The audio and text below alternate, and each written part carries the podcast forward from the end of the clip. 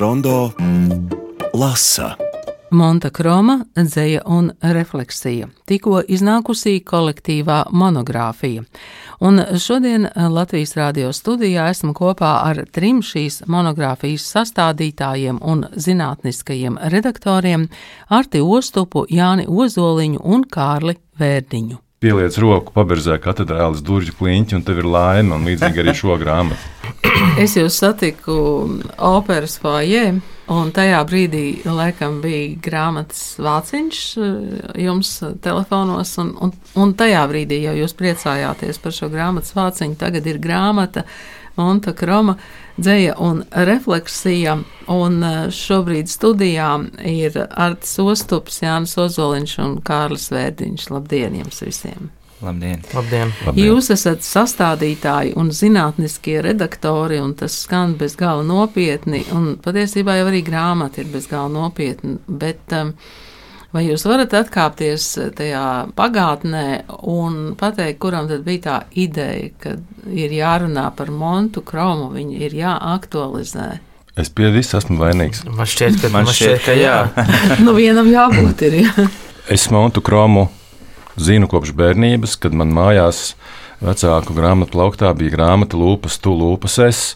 Mani vecāki neaizrāvās ar avangardisku dzēju, nu nemaz. Līdz ar to vienīgais iemesls droši vien bija tas, ka manai mātei grāmatas iznākšanas brīdī bija 17 gadi, un visticamāk šāds nosaukums viņai likās saistošs. Es nezinu, vai viņi pēc tam to lasīja. Bet katrā ziņā, jā, kad Montai Kromai bija 80, tad mēs ar Martu Pujātu vienā avīzē publicējām tādas bērnišķīgas esejas par viņas dzēju. Kad Montai Kromai bija 90, tad mēs ar draugiem sarīkojām viņas dzējas vakaru tādā jaukā vietā kapteiņa Enrico Pulkstenis. Un tagad, kad ir simts gadi viņai, tad nu jau tas jau ir beidzies it kā, bet tomēr nav beidzies. Vārdu sakot, katra nākamā viņas jubileja ir arvien grandiozāka un grandiozāka. Un simtā jubilējums sanāca tiešām tāda. Be- Bez pārspīlējuma vēriens tai bija ne jau pārmērīgs vēriens, ka tas bija vesels festivāls, un tas, protams, ir saistīts ar, ar Arta pārstāvēto žurnālu punktumu, kam jau ir tāda tradīcija festivālam izveidojusies, un vēl jo aizkustinošāk bija tas, ka festivāls pat uh, guva vērību no Laligabas un saņēma balvu kā gada notikums, un, un tad likās, nu jā, ne, ne jau tikai balvas dēļ, bet arī viena no tām sajūtām bija, ka bija noslēguma koncerts cirkā vēl pirms rekonstrukcijas, un ka mēs redzējām, ka cilvēki nāk un nāk un nāk, un cirks ir pilns, un jau ir papildu vietas, un, un tie bija jauni cilvēki, kas iespējams par Montu Kromu dzirdēja pirmo reizi, un nu, tad šķiet, tad, lūk, tas ir tas, kāpēc tas ir jādara. Nu, lūk, eh, kur var aizvest viena dzīslu grāmata, kas ir eh, 17-gadīgas eh, sievietes grāmatplauktā, un šī dzīslu grāmata ir aizvedusi bez gala tālu dzēju un, un refleksiju. Arti, tā jūsu interese par Montu Kromu ir eh, mm, nu, no kura laika vai no kura punkta viņas dzējā? Uh, Es ar Montes Kromas dzēju iepazinos jau vidusskolā, es skolas bibliotekā. Gaidot autobusu, lasīju viņas izlases refrēnu, un mm, jā, man šī dzē- dzēja likās pārsteidzoši uh, eksperimentāla, tīpaši priekš tā, uh, priekš tā padomju konteksta, kurā šī mm, dzēja tapa. Toreiz es kaut kā vēl līdz galam neapjēdzu to, uh, cik tiešām svarīgi, svarīgs ir bijušas šīs kromas inovācijas, formas un tēmu ziņā. Un, uh, par to jā, es sāku domāt tā pastiprinātāk tieši 18. un 19. gadā, kad uh, es domāju, jā, ka tā tiešām bija kāda iniciatīva, ka mēs varētu arī tā ar zinātnisku aci paskatīties uz kromas tekstiem uh, mūsdienās. Un, uh, tas bija tiešām ļoti aizraujoši. Es, es vēl gribēju pie Jāņa teiktā piebilst, ka ka tas kromas festivāls tiešām pierādīja to, ka kroma ir stilīga dzēniece, neatkarīga no, no laika. Viņa bija stilīga gan, gan savas dzīves laikā, gan arī šodien. Viņa ir ļoti moderna un eh, saistoša dzēniece. Jā, un tad jūs iesaistījāt arī citus, gan pētniekus, gan, gan dziniekus, un uh, dzinieki rakstīja, un jauni cilvēki lasīja. Izstāstiet par šo faktiski tādu kustību, kromiādu varbūt. tā kā kroma varbūt nebija sevišķi daudzināta pirms tam kādu laiku, tad uh, tur vajadzēja zināmu švunku, lai, lai cilvēkiem parādītu viņu, vai arī atgādinātu par viņu. Tur jau ir tas aspekts, ka varbūt vecākās paudzes lasītājiem viņas vārds saistās ar tiem padomiskajiem bērnu dzējoļiem, ko bērnībā vajadzēja mācīties padomju skolā. Līdz ar to es zinu, ka ir tādi literatūru mīloši cilvēki, kuriem izdzirdot vārdu Monta Kroma, vienkārši viņi saviebjas un saka, ka viņi neko par viņu negrib dzirdēt, jo viņiem jau pietiek. Un, un, un visu šo iemeslu dēļ, nu, jā, Kroma ir ļoti interesants gadījums, ko mēs gribējām izpētīt. Tā tad ir jau pilnīgi skaidrs, ka ir tādi divi pilnīgi atšķirīgi posmi Montes Kromas uh, daļradē. Nu, tad izstāstiet to pirmo posmu, kas ir tas lūzums un kas seko pēc tam. Jā, par lūzumu mums grāmatā atbild Ronalds Briedis. Mēs zinām, ka Montai Kromai ir tāda nelegālās komunistiskās partijas pieredze, kas arī šķiet diezgan dīvaini, bet arī to jūs šeit izskaidrojat, kā tas ir radies. Un, un tad viņai ir tādi uh, dzējoļi, kas tiešām ir par pionieru solījumu un tā tālāk un, un tā joprojām. Nu, tad kas notiek ar Montu Kromu? Nu, jā, tas agrīnais posms tiešām ir tāds visnotaļ tradicionāls dzīslis ziņā. Uh, nu, nu, jā, šodienas acīm skatoties, Montkroma um, 40. un 50. gados izstāsta pēc tādas tipiskas, angažētas dzīsnieces, kas, kas raksta padomju nu, režīmam, ideoloģijai tādu Um, ļoti piederīgu dzēju, bet uh, tas lūzums notiek uh, Maskavā, kad viņi studē. Tomēr Maskava, salīdzinot ar Rīgu, laikam tajā laikā mm, piedāvā tādas plašākas iespējas un plašāku redzesloku vispār uz dzēju un uz pasaules dzēju, un arī uz krievu literatūru, kas, uh, nu, kas arī ietver dažus mm, nu, eksperimentālus gadījumus. Nav tā, ka varbūt šodien mums šķiet, ka visa padomju literatūra ir tikai tāda ļoti pelēka un, un pareiza, bet, eh, bet īstenībā arī tajā laikā bija pietiekami daudz eh, dažādu eksperimentu gan, gan Latvijā, gan arī citvietā Padomju Savienībā.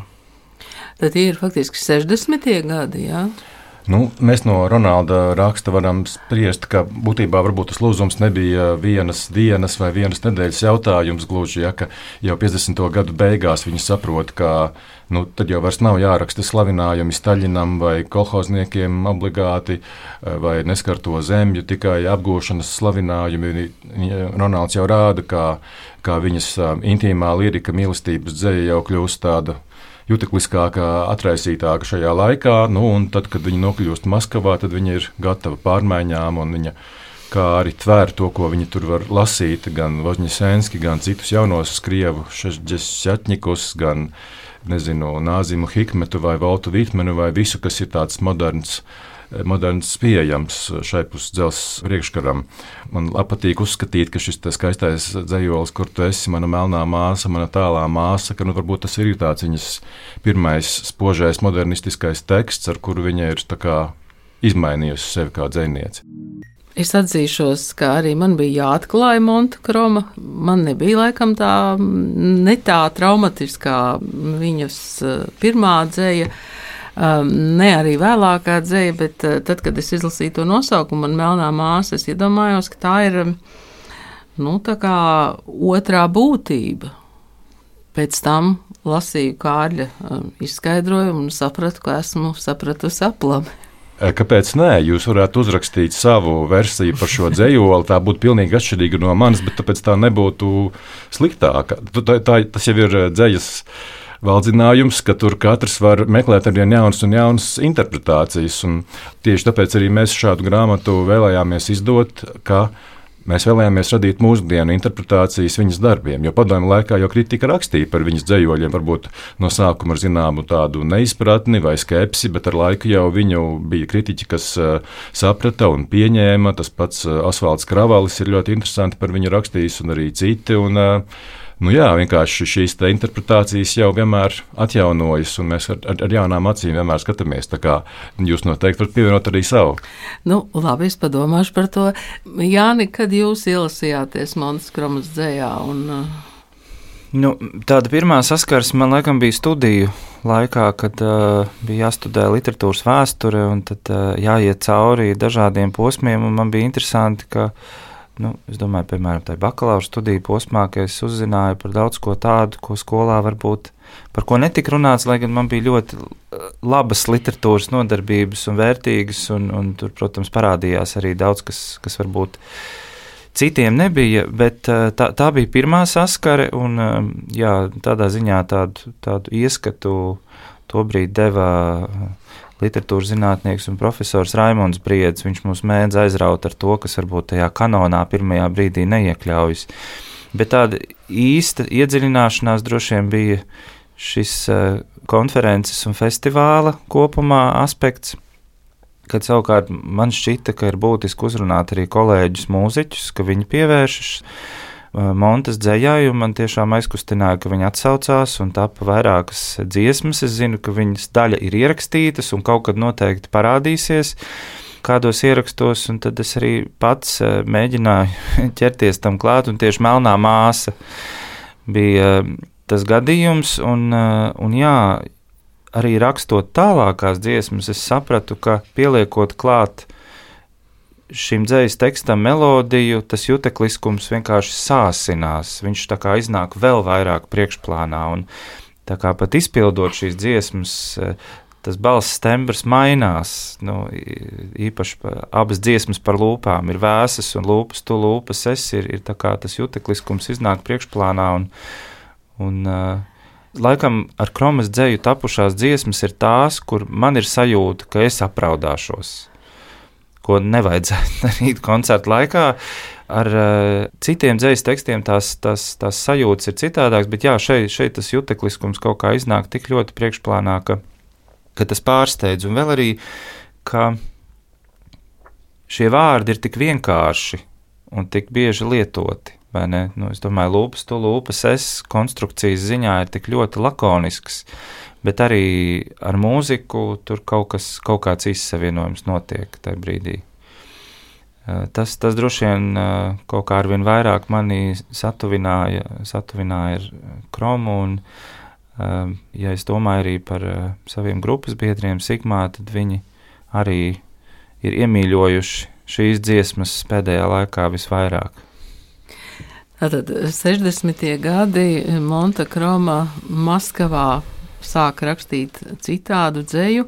Kā viņi iekļaujas kaut kādā Latvijas eh, tā laika dzējas kontekstā? Viņi tur ir kādā plūsmā vai viņi ir pilnīgi suverēni persona Latvijas dzējā? Es domāju, ka par tādu plūsmu mēs varam runāt tieši skatoties, kā 1963. gadā padomju funkcionāri ļoti asi un negatīvi reaģēja uz jaunajiem latviešu padomju modernistiem. Tie bija jauni cilvēki, kuri bija it kā izaudzināti tepat padomju savienībā par padomju literatūrai derīgiem kadriem, bet pēkšņi izrādās, ka viņus interesē gan rietumniecisks modernisms, un ja viņiem ļaus rakstīt tā, kā viņi grib, tad Latvijas literatūrā drīz valdīs pilnīgi buržuāzisks rietumu kaut kāds strāvojums. Līdz ar to kroma kļūst par vienu no šiem grēkāžiem, ko publiski nosoda. Nu jā, nu kroma ir arī, manuprāt, tas arī parādās šajos pētījumos, ka 60. gados ir tāda cīkstēšanās ap viņas dzējoļiem, ja, jo viņi lauž jaunus ceļus un ir ļoti grūti definēt, kā tad drīkst, kā tad nedrīkst, kas ir laba dzēja, kas nav laba dzēja arī par dzējoli, kur tu esi mana melnā māsa. Viņai kolēģi saka, ka tas ir kaut kāds murgojums, tas ir kaut kas ārprātīgs. Kā, kā tu vari vispār kaut ko tādu iztēloties? Ja? Tās robežas tiek bīdītas, un tās ir diezgan uh, neskaidras. Un, protams, ka lielākā daļa publikas, kas bija pieraduši pie tāda padomiskāka un ļoti demokrātiska dzīslas stila, nu, protams, ka, ka viņi to varbūt arī nepieņēma. Viņus tā tas neinteresēja. Un tikai nu, faktiski 60, visi 60. gadi paiet no vienas puses eh, kromai pašai, attīstoties, noskaidrojoties, kāda ir viņa, viņas modernistas sēja. Ja, tad tas procesa vainagojums ir šī 70. gadā iznākusī grāmata Lūpas, tu lūpas es, kur jau vairs tas ir, tie vairs nav meklējumi, tie jau ir rezultāti un ļoti spoži, un tāds laikam tas ir Montes labākais krājums. Kromai ir interesants tās dzējos krājumā Monta no 1985. gada, kur viņa reflektē par eh, šo neizpratni par uh, melno māsu, viņa Te raksta par kādu sarunu ar kolēģi, ka tas kolēģis ir ļoti burtiski uztvērts to dzējoli, un, un viņš jautā, kā tas ir iespējams, ko ar simt auskarus ievērt ausīs, un, un Kroma viņam atbild, ka, ka tur ir attēlos garastāvoklis, un tas īstenībā ir ļoti ilustratīvs uh, dzējolis, jo tas parāda, kādas uh, viņas dzīves laikā ir bijušas citiem problēmas ar šo modernismu estētikas pieņemšanu, jo, ja mēs uh, lasām, piemēram, mūsdienu pētījums par modernismu dzēju rietumos, tad, tad tur uh, šāda te uh, garastāvokļa atspoguļošana caur priekšmetisko realitāti ir kaut kas nu, pilnīgi normāls, un tā ir viena no galvenajām modernismu vispār tehnikām. Un, jā, tas ir interesanti pastīties, kā, kā šīs idejas ir uh, dzīvojušas uh, padomju laikā, cik viņas ir bijušas problemātiskas. Vai viņas darbi tika tā brīvi arī publicēti, vai, vai tomēr bija kaut kādi nogaidīšanas periodi? Man šķiet, ka nogaidīšanas periods bija 60. gadi, jo, piemēram, krājumā Lūpas, tu Lūpas, es beidzot tiek publicēts zejols par melno māsu, kas ir sarakstīts 1961. gadā. Vismaz acīm redzot, tā pirmā versija, kas ir vēl citāda nekā tā gala versija. Tur ir arī tāds skaists zejolis laimi izlūdzas dārzos, kas ir sarakstīts 62. gadā, bet arī pēc tikai pēc astoņiem gadiem ir krājumā. Viņa iznāca 64. gadā neliels krājums izlasa Krievu valodā, Maskavā, un 68. gadā arī neliela grāmatiņa tūplānā latviešu valodā. Bet nu, tas, tas tās vēl ir tādas. Nu, Augšanas grāmatas, manuprāt, viņi vēl meklē to savu modernistas balsi. Manas mīļākās monētas grāmatas, laikam, būs Lūpas, to Lūpas es, un piecus gadus vēlāk iznākušais skaņas nospiedums. Man liekas, tā ir tā viņas kvintessence. Bet eh, jā, es faktiski tikai pateicoties šai grāmatai un šiem pētījumiem, sāku vairāk arī pievērst uzmanību viņas 80. gadu dzējai, kas ir tāda it kā kaila, jēdzieniska, eh, kam ir noplēsta mirdzošā tēlainības āda un palikusi tikai atkailināta doma. Tās ir refleksijas par, par viņas uh, zvejnieces darbu lielā mērā. Tur... Nu, es sev izvirzīju tādu uzdevumu, mm, pastīties uz tiem kromas dzējoļiem, kur viņi reflektē par dzēju. Tad viņai ir vesel, vesels lērums ar dzējoļiem, kas ir par dzējoļiem. Tas ir ļoti tādi, uh, nu, tādi, tādi prātu mežģījoši teksti īstenībā, jo sanāk, ka mēs lasām dzējoli, bet tas dzējols ir par citu dzējoli, un tad mēs nonākam, iekrītam tādā tā kā truša alā un, un netiekam ārā no, bet jā, tas arī bija diezgan interesanti, varbūt šie dzējoļi nav tik, mm, tik tēlaini, tik spilgti, cik viņas slavenākie darbi no, no Kārļa minētajiem krājumiem, bet es domāju, ka arī šiem te metarefleksīvajiem, kā es rakstu dzējoļiem, ir vērts pievērst uzmanību, jo viņi daudz ko atklāja par to, ko Kroma vispār uh, saprata ar, ar, ar avangardisku, modernistisku, eksperimentālu dzēju. Un uh, ko viņa saprata, no kurienes tad ir tā viņas sapratne? Jūs jau minējāt, krievu dzēja, uh, droši vien vēl kāda. Nu, tas secinājums, pie kā es nonācu pētot šos 80. gadu krājumus, ka viņas, uh, viņas tās galvenās vērtības dzējā ir bijušas jutekliskums, disharmonija, personisks vēstījums, tagadnīga savu laiku apliecinoša dzēja un arī tāda sevi izzinoša dzēja. Es domāju, tas ir tiešām tas, uz ko viņa ir uh, visvairāk koncentrējusies. Kultūras rondo klausās. Montekroma dzēja un refleksija. Šajā monogrāfijā ir arī Augustes Petres raksts vizuālās mākslas klātbūtne Montes Kromas dzējā un dzīvē. Viņa man bija vislielākais draugs, vissvarīgākais cilvēks, bez viņas es vispār nebūtu es. Tā par dzēnieci Montu Kromu stāsta māksliniece Helēna Heinrichsone sarunā ar rakstnieku Svenu Kuzminu ierakstu sērijā Pilsētā ar Montu Kromu. Māksliniece atceras, ka tieši Monta Kroma viņai iemācījusi būt brīvai mākslā. Ielas, bulvāri, alejas Pilsētā ar Montu Kromu. Sarunas un dzīslas lasījumi raidījumā Kultūras Rondā. Te ir fragments, kas ir ļoti personīgs, tāds privāts uz mani, kas attiecās. Jā, te ir aizlīmēts ar melnu Jā, nu, papīru jā. ciets. Taisi, tas ir klavieris, kā tu redzi.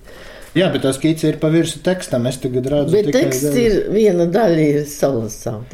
I. Henriksona divām kaut kam. Divām kam, to es nezinu. Jā, te ir par Annu. Nu, Par tāds. tevi, Anna. Jā, jā, jā. jā. Dzējolis.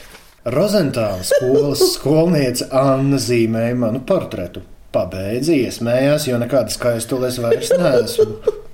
Aizgāja atrādīt tēvam, atnāca, apsēdās murminādam, nav vēl labi. Atnāca arī Henriksons, un labu brīdi viņš bija blakām. Noliecās Annas galvas līmenī, paskatījās uz mani, pabadīja ar pirkstu, noliecās, paskatījās uz mani, runāja laipni, aši un lietišķi. Noliecās, paskatījās uz mani, noliecās, paskatījās uz mani, bet Henriksons mani neredzēja. Henriksons redzēja oriģinālu.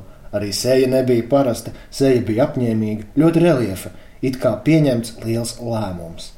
Acis bija stūrainas un asas, un pasaulē nebija sīkumu.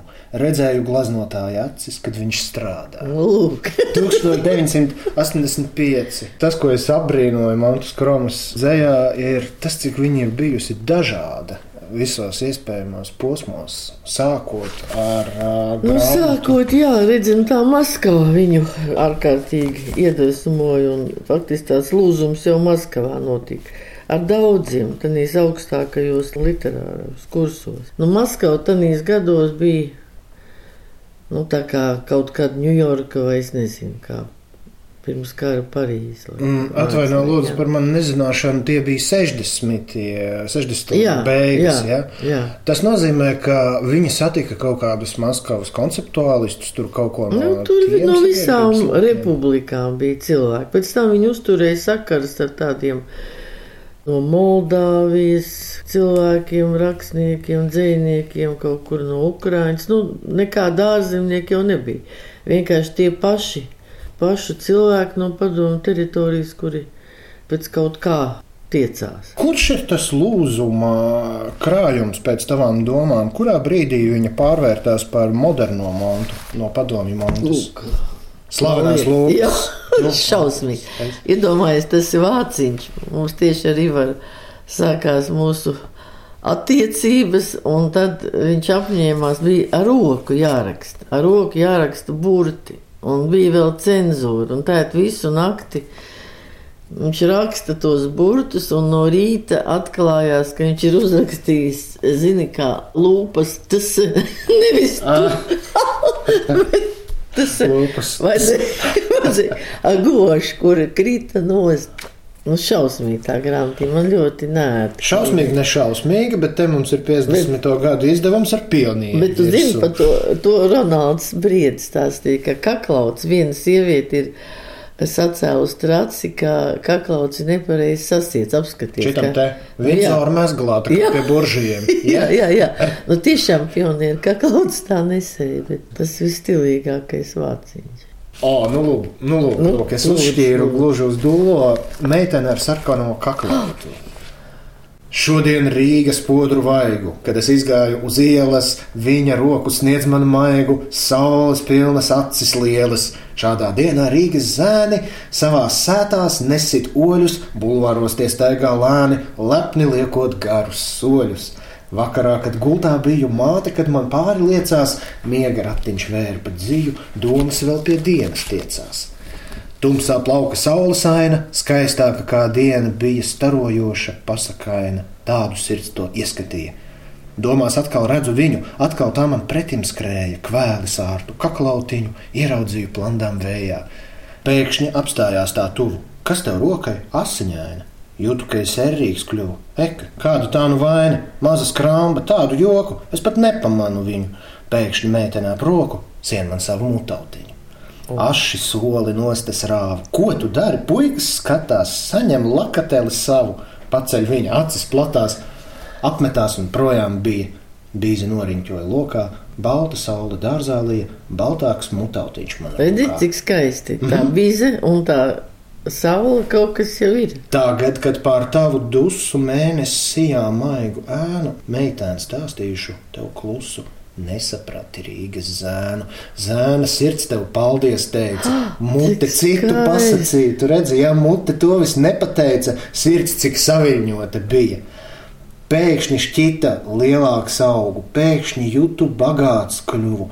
Apkārt tik daudz īstu draugu, tik daudz biedru, labu, tuvu.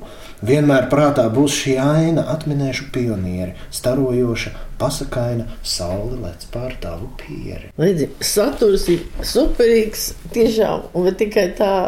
Tie vārdi Bet es tev nepareizie. teikšu, zini, Bet, tur pienieriem. Jā, ir. Paldies tev. Tie pionieri tur vispār. ā, Ir tas Rīgas zēns, Rīgas, ja? Tas jau arī kaut kas. Lūk, lūk. Tas varēja būt mierīgi kaut kāds čakarīgs zēns, tikpat labi. Nu jā, var jau, čaks protams, ka viņai čaks bija ļoti svarīgs. Ko tu atceries spilgti? Tev ir kaut kas ļoti spilgts palicis atmiņā. Nu, tie nostāsti par Montes bohēmisko dzīvesveidu, par visādiem kurioziem notikumiem viņas dzīvē, piemēram, teiksim, ja viņi mazgā kājas un ieliek nomazgāto kāju nevis čībā, bet ziepu trauciņā. Jā, Tāda sīka novērojuma vai konceptuālisms vai izklaidība. Nu, viņa dzīvo citā pasaulē, vai, piemēram, tas ir brīnišķīgs stāsts. Viņa gaida, to viņa pats stāstīja, tur trolejbus vai tramvaju. Un beidzot sagaida, pieiet klāt un izņem atslēgu un mēģina atslēgt tās durvis. Tā kā tu saproti, cik tas smieklīgi no malas, bet viņa vienkārši viņai ātrāk gribās tikt iekšā. Viņa, viņa vienkārši no durvis ir jāver vaļā. Viņa nesagaida, kā atvērsies. Viņa ver pati vaļā. Tas ir ļoti interesanti, kā viņa visa, visa viņa dzīve bija, un viņa arī bieži krita. Viņa aizsapņojās, un tie asfalti, kā jau bija vēl nelīdzināk kā tagad, un tā viņai bija apdauzīti ceļi. Man arī viņa ir pēdējais viņas portrets, tas ir, kur viņai ir ceļš apdauzīts. O, nu nolasi lūdzu. Nu, kā, jā. Istabā stāv divas klavieres - koncertu flīģeles un kabinetu flīģeles. Bet koncertu flīģeles ir ļoti veca, būtu jāizmet. Kā var sviest ārā, saka Heinrichsons. Liels darbs, vīzija, un tā ir tikai man. Pie koncerta līdeļa tante saukta mīļā mamma spēlē un dzied labā kājiņa, kreisā kājiņa, labā kājiņa, kreisā kājiņa. Pa istabu virknē lēkā virtene meiteņu. Pašās beigās mazākā cilvēka kājas lielā cītībā. Heinrichsons šo ainu nezina, bet nojauš, ko slēp flīģelis. Es atceros to. Es taisīju acis ciet, un mēs tā kā tādas sniegpārsliņas, tā mana māsa un māsica, un viņas pamatoti skaitījās skaistos, un es nē. un zini, nebija godīgi, ka pieaugušie mazliet izsmēja. Un redzam, ka Monta jau tad ņēmās man aizstāvēt. O, Jā, viņa man vislielākais draugs un vispār viss. Vissvarīgākais cilvēks. Zinu, bez viņas es vispār nebūtu. Es, ja ne viņa, es tiešām es droši vien vai es saprastu to, ka, ja tu gleznoji, tas pirmais, ko viņa man iemācīja, ka tas nevienam nav vajadzīgs, tikai tev pašam. Nevienam. Saprot, un tas ir uzreiz tev paliek tik viegli, un tu esi brīvs. Ja?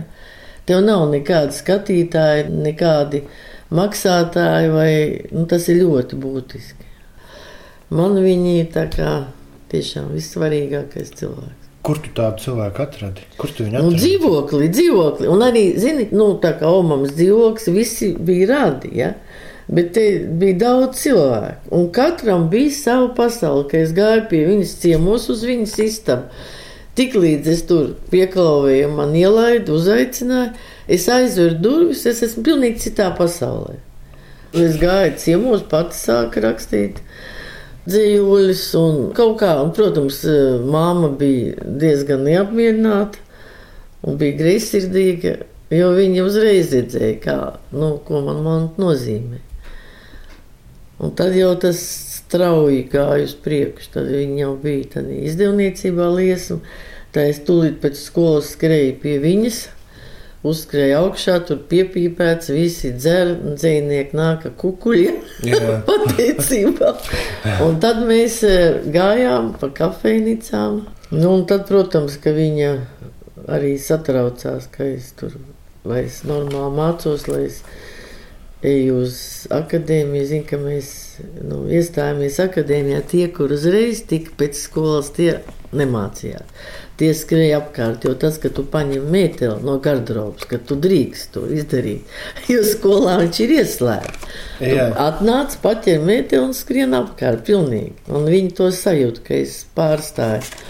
Kaut kā tad ieradās uz akadēmiju un apskatījās, ka man darbi nepabeigti, rokas nav uzgleznotas. Kuram, pa, kuram normāli cilvēkam patīk glaznot rokas? Tagad, jā, neko man ir tikai, jā, bet toreiz, zin, tā, tas bija tas grūtākais. Interesanti, ka viņai pašai, es nezinu, vai viņa skuma, ka viņai nav tāda ģimene vai bērni. Es nezinu, es šaubos. Bet viņi gribēja, lai tiem, ko viņi mīl, lai tiem viss būtu kārtībā, lai būtu kārtīgi ģimene, lai bērns, lai vīrs.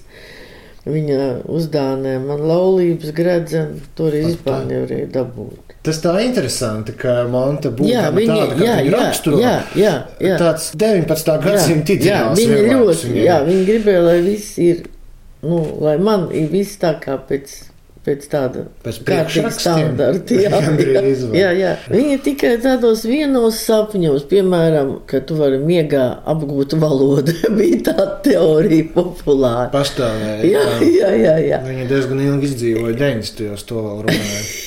Jā, un tas bija viņas sapnis. To. Miegā Jā, valodu. jā, miegā. Tad tev nekas nav jādara. Tā. Tu pamosties no rīta. Un tu visu un saproti. Tu proti nopirkt Vācijā Jā. dasu. no sērijas. Vai, piemēram, viņa mazliet šķielēja vienu aci. Nu, taču tāda nieka operācija, bet tas arī palika sapņu līmenī. Viņi gribēja piekariģēt un Nu, Jā, nu kas bet tur ko neizdarīt, bet, nu, es arī kaut kā nesekmēju. Nu, tādi kaut kādi, vai kaut kur braukt kopā, toreiz bija mākslinieki un, un dzēnieki, rakstnieki, viņi braukāja pa visu padomu savienību. Piemēram, populāri bija uz tāliem austrumiem, uz to Sahalīnu. tur. Mhm. Un tad tas arī bija viņas sapnis. Bet tas vienmēr palika tikai tā. Jā, vienmēr Sahalīna. palika uz tahtas, rakstot gultā. Jā, ļoti pazīstama situācija. Nu, klau, rekur modernā monta no 67. gada. Es šķīru to tātad grāmatiņu, lūpas, tu lūpas, es. Un, Lūdzu, lasi, lasi. Klau, vēl. es atklāju, es vispār skatījos, kur tev ir kaut kas apvilkts ar zīmēm. tas ir augustā atzīmēts. Es esmu kails koks zem lietus. Ne vārdi, ne mūzika man nav nekas. Es gribu zaļo krāsu, un zaļās krāsas nav citur, ar to es pats esmu pielietis. Es esmu kails koks zem lietus, zem lietus. Es kļūstu ar vien caurspīdīgāks. No manis spīd zaļš, no manis gaiss kļūst zaļš, zaļš starp kailu, zemi un kailām debesīm. Es esmu kails koks zem lietus zem lietus, zem lietus. Ko tu saki cilvēku ar brūnajām acīm? Ne vārdi, ne mūzika, man nav nekas. Es esmu tik caurspīdīgs kā zaļš stikls. Es tūlīt saplīsīšu, es tūlīt visu zemi noliešu zaļu. Un tagad ir apvilkts ar zīmēm. Nu, interesanti, ko es Debesis necilā savus apnicīgos zilos bruņķus, es tūlīt tevi noliešu zaļu, es šūpoju savus smagos, pārbriedušos pumpurus. Ko tu skaties uz mani, cilvēku ar brūnajām acīm, es tūlīt arī tevi noliešu zaļu. Tas cilvēks ar brūnām acīm droši vien tas koļa viņas. Koļa? Priekšpēdējā mīla.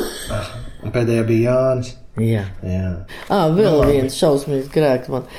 Zini, nu katru to dzējoli, tik līdz viņu uzrakstīja, viņi man zvanīja. Un ļoti arī citreiz naktī. Mm -hmm.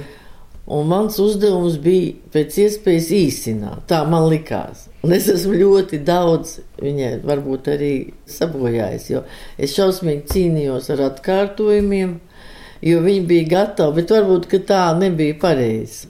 Man likās, ka vajag īsināt, īsināt. Nu, labi, tad parādi kādu dzējoli, kuru tu esi sabojājis īsinājumu. visu. Nu, kuru tu esi īpaši, teiksim, Nu, kaut vai pat, jā, un nu, Monta Mončiks, ja es ar tā saku, viņa, Mončiks. jā, viņa jau to pieņēma. Un viena reize viņa sacēlās, viņa zvana naktī, tas ir vēsas lūpas, ģeniāls dzējos. Un man jau, es pamodos, man nāk miegs, un, un es tagad tā pavirši, lai katram gadījumam kaut kādas kritiskas piezīmes. Tikai vienu daļu. Nu, labi, es tad Jā, paturpināšu. ir vēsas lūpas, cik tavas lūpas ir vēsas. Tā tikai pavasara lietus līst, līst un čukst, līst uz kaila gaisa skvēros, līst uz kailiem zariem skvēros, līst uz kailuma. Līst uz kailām lūpām skvēros, līst uz kailiem soliem skvēros, līst uz kailumu, līst uz kailām ietvēm skvēros, līst un čukst, ir vēsas lūpas. Cik tavas, Super. tavas lūpas, kā zēnam pavērs un lāsīti norī, pavērs un lāsīti uzpūš uz manām, manas lūpas kā veidojums ir vēsas, lūpas, cik tavas, tavas lūpas lāsīti norī, tavas lūpas lāsīti uzpūš uz manām, manas lūpas kā veidojums ir vēsas, lūpas, cik tavas lāsīti norī, lāsīti izpūš uz manām, kā veidojums ir vēsas, lūpas, cik tavas lūpas ir vēsas, čukst un līst, uz kailuma līst, tā tikai pavasara lietus līst. Līdz, nu, tas, ir, nu, tas ir tā kā tāda tāds- himna, zinu, tiešām, es domāju, no tā, no mīlas lirikas, nu, pats augstākais. Viņš ir erotisks, viņš ir juteklisks. Jā. Var sajust, cik ļoti tas viss Un tur viņa ka, nu, gan ne, es kaut ko es miegāt gribēju. Nu, Šis bija piedod, tas, kur viņa te Neļāva bija, ne īsināt, ne labot. Labi, ka Mončiks tev Jā. turēja. šitais ir. Sacēla. Helēna, paldies! Paldies tev un visiem, kas pievērš uzmanību. Brīnišķīgs, brīnišķīgs ieskats Mončika, Mončuka. Mončuka dzīvē.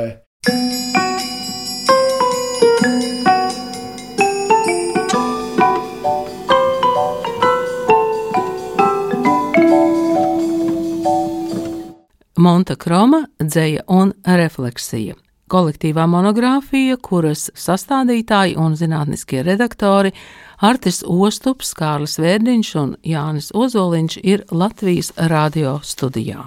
Vai Montu Kromu mēs varam saukt par tādu sava laika nesaprasto dzēnieci, vai tomēr nē? Grūti pateikt. Grūti šobrīd. pateikt, jo es domāju, ka no vienas puses viņai bija savi atbalstītāji un sapratēji.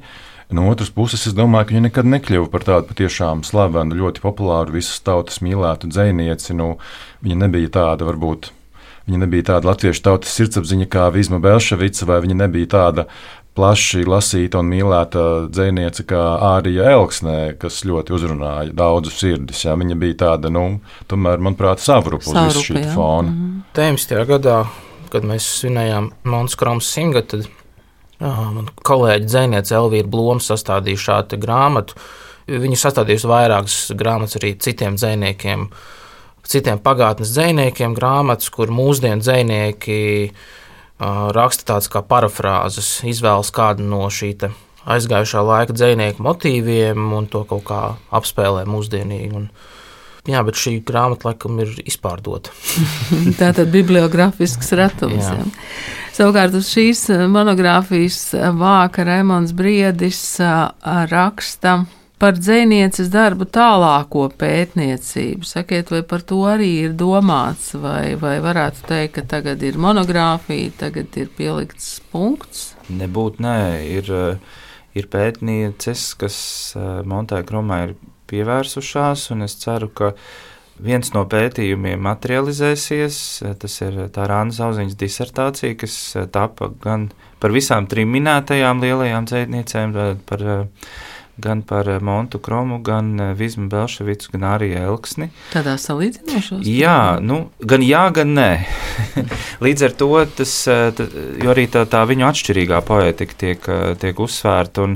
Tas noteikti būtu vērtīgi tieši šādā salīdzinošā aspektā, ka arī Montes Kromas dzēja atklātos. Un eh, tas, ko mēs esam savā starpā runājuši, ka arī Ronalds Briedis būtu jāstimulē. Eh, Viņš biogrāfiski tiešām ir izpētījis daudz, un to tā var pamanīt jau viņa šajā rakstā, bet uh, tur noteikti varētu sanākt arī kāda grāmata, kas ir veltīta, veltīta tam. Un uh, noteikti būtu jāpiemina kāds cits dzinieks, kurš gan rakstīja savu uh, arī studiju darbu, un tas ir Pēters Dragūns, kurš intervēja daudzas. Uh, Montes uh, Kromas laika biedres un laika biedrus. Varbūt Kārls pat var vairāk pastāstīt, bet uh, jā, es domāju, ka Pēters bija viens no pirmajiem, kas, kas vēl ķēra to aizejošo laikmetu un centās to, to fiksēt. Nu jā, faktiski šī grāmata ir tāda aizberga redzamā daļa, jo ir tātad Pētera Dragūna ļoti interesantais bakalaura darbs, ir piemēram Agijas Abiķis Kondrātes maģistra darbs, Jā. ir Annas Auziņas doktora darbs un šis tā topošais Ronalda Brieža biogrāfiskais pētījums.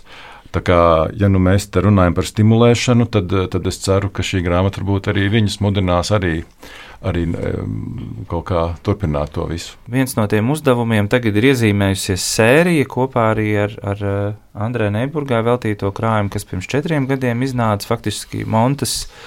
Kromas kolektīvā monogrāfija ļāva mums saprast, ka ir jāveido sērija un ka šādiem darbiem ir, ir būtiski tapt uh, nākotnē, un arī iesaistot mūsu kolēģus, citus pētniekus, kas arī pievēršas atsevišķu autoru personībām, jo tādā veidā mēs mēģinam reflektēt par tā mūsdienu gaismā, un tas ir būtiski gan interesantiem, gan patiesībā arī pašam mācību un izziņas procesam, un tas noteikti ir tas virsuzdevums, ko par ko mēs domājam arī veidojot šo grāmatu, un arī iepriekš tapusī grāmatu šajā sērijā, un arī, nu, iespējams, tiem tām uh, idejām, kas vēl virmo gaisā, ko vajadzētu, vajadzētu attīstīt. Um, Tālāk. Tā, tad, mm, tā ir tāda kolektīvo monogrāfiju sērija, tā varētu teikt. Latvijas zinātnē ir ļoti smalka reglamentācija, kādas ir publikācijas, kādas publikācijas ir svarīgas un kādas nav svarīgas. Un kolektīvā monogrāfija ir ļoti svarīga publikācija mm -hmm. katram Latvijas zinātniekam. Tāpēc mēs esam tendēti uz kolektīvo monogrāfiju veidošanu. Nav dots konkrēts nosaukums šai sērijai. Es nezinu, es pie sevis kādreiz domāju, tā ir mirdzošā sērija vai metāliskā spīduma sērija, jo tas uh, vizuālais koncepts, kas, uh, kas nāk no, no Aleksēja Muraško, man ļoti patīk arī, ka to vāku izvērš, ka ir vienmēr, nu, nevienmēr, bet abās grāmatās šīs te, sērija fotografijas, kas parāda to autoru tādā darbībā, procesā, kustībās, bibliogrāfijas. Mhm. Un tas ir tas vēl tas mācību vai nu, tas tilts, ko mēs runājām par citiem pētījumiem, ka mēs vēlamies pievērst uzmanību, kas ir publicēts no autora vai par autoru, un patiesībā dot to iespēju jau, jau nākamajiem pētniekiem jau uzreiz ieskatīties, kas viņus interesē. Vai arī jebkuram interesantam, ja viņus interesē kāds konkrēts aspekts, tad šī bibliogrāfija, manuprāt, ir nu, tāda pievienotā vērtība grāmatām, šīm nu, šai sērijai, ko mēs noteikti gribētu saglabāt. Un tā bibliogrāfija ir diezgan bieza. Ja? Es domāju, ka tur var pētīt patiešām arī tikai bibliogrāfiju, vai var izlasīt, piemēram, tikai vienu nodaļu. Arī tā var darīt. Nu, nelasīt no vāka līdz vākam. Kultūras rondo lasa. Mm, bet visiem pārējiem ir iespēja ieskatīties Latvijas Universitātes Literatūras, Folkloras un Mākslas institūta kolektīvajā monogrāfijā Monta Kroma dzēja un refleksija. Paldies par sarunu šodien e, trim sastādītājiem un zinātniskiem redaktoriem Artim Mostopam, Jānim Ozoliņam un Kārlim Vērtiņam. Paldies jums! Paldies! Paldies. Šo kultūras rondo veidoja Santa Laugans, Pavasaris Valdes Raitums, Elizabete Šaicānova un Ingvilda Strautmane.